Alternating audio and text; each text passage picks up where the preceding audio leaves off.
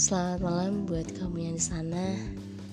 Terima kasih ya sudah mau mendengarkan podcast gue malam ini. Gue Gina Yuliana. Kali ini gue bakal sharing sama kalian tentang toxic relationship. Mungkin di antara kalian udah ada yang tahu apa itu pengertiannya, ciri-cirinya seperti apa, dan kita tuh termasuk apa enggak. Nah, tapi tenang aja nih yang belum tahu, gue bakal jelasin pengertian dari toxic relationship itu sendiri.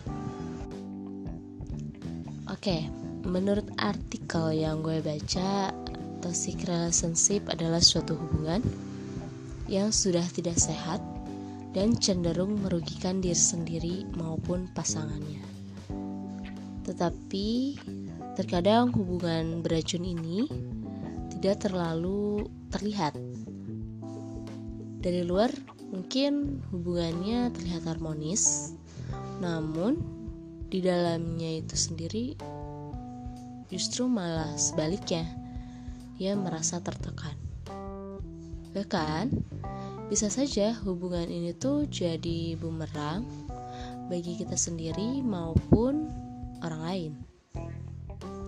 Kalau menurut gue sih sangatlah penting ya buat kita tahu nih tanda-tandanya tuh seperti apa.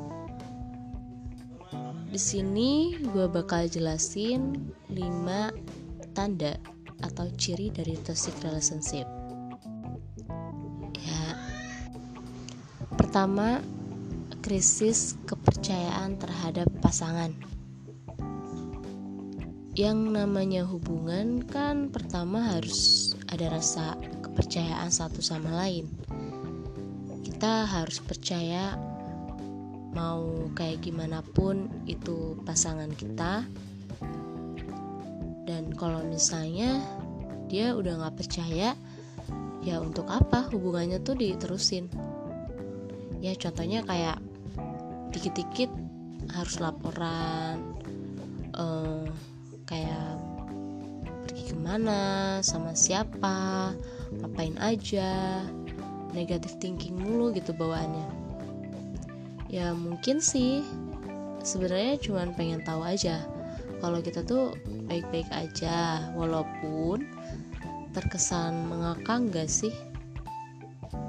Justru tanpa disadari ya.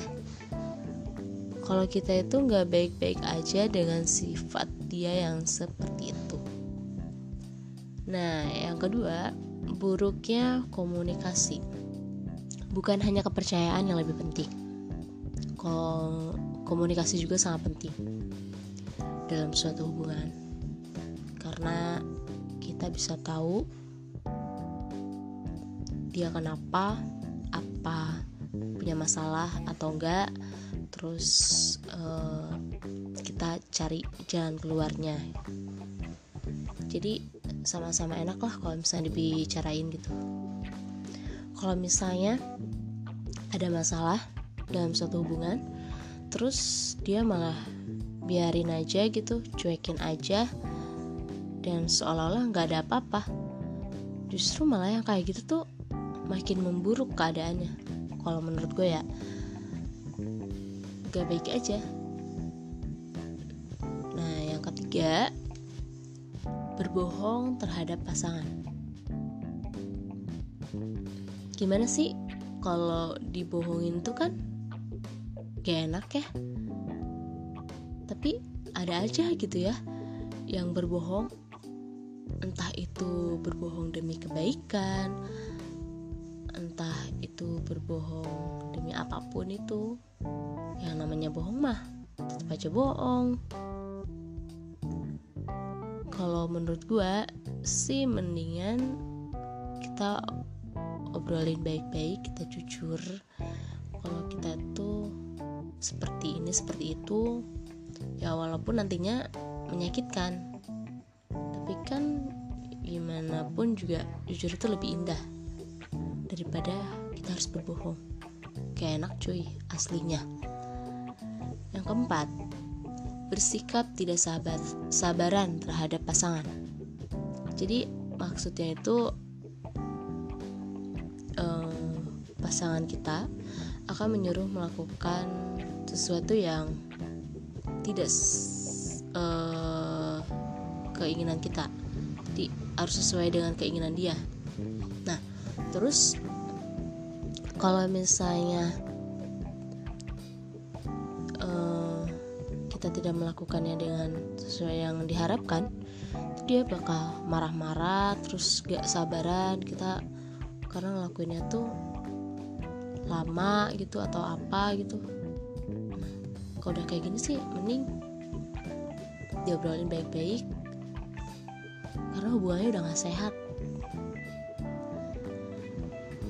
Dan yang terakhir yang kelima selalu berusaha memanipulasi dirimu.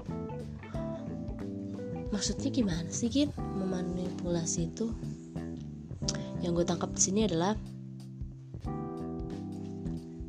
um, kalau misalnya si pasangan ini uh, lebih kayak memanfaatkan kamu lah.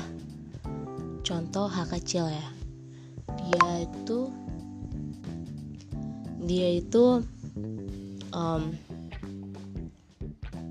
taruhan nih sama temennya buat dapetin kamu. Kalau misalnya dia berhasil taruhannya eh, dapetin kamu otomatis dia dapat uh, sesuatu yang dia inginkan.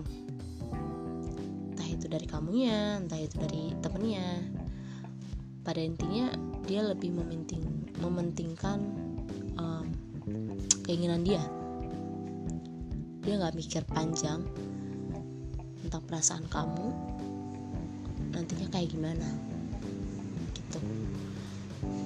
Nah kalau menurut gue uh, kalau misalnya udah ada nih ciri-cirinya atau tanda-tandanya dalam suhu, dalam hubungan kalian.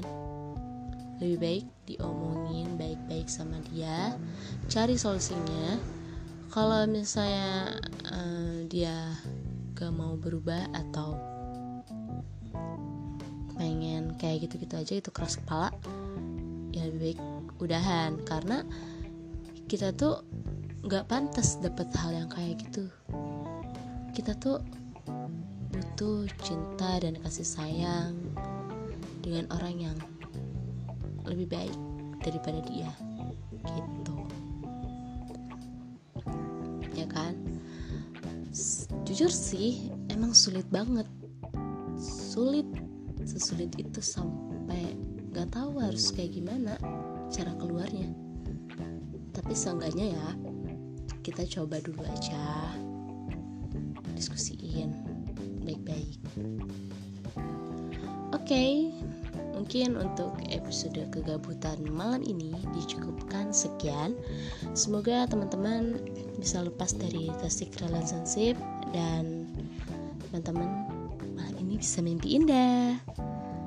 Gue Gina Yuliana pamit, bye.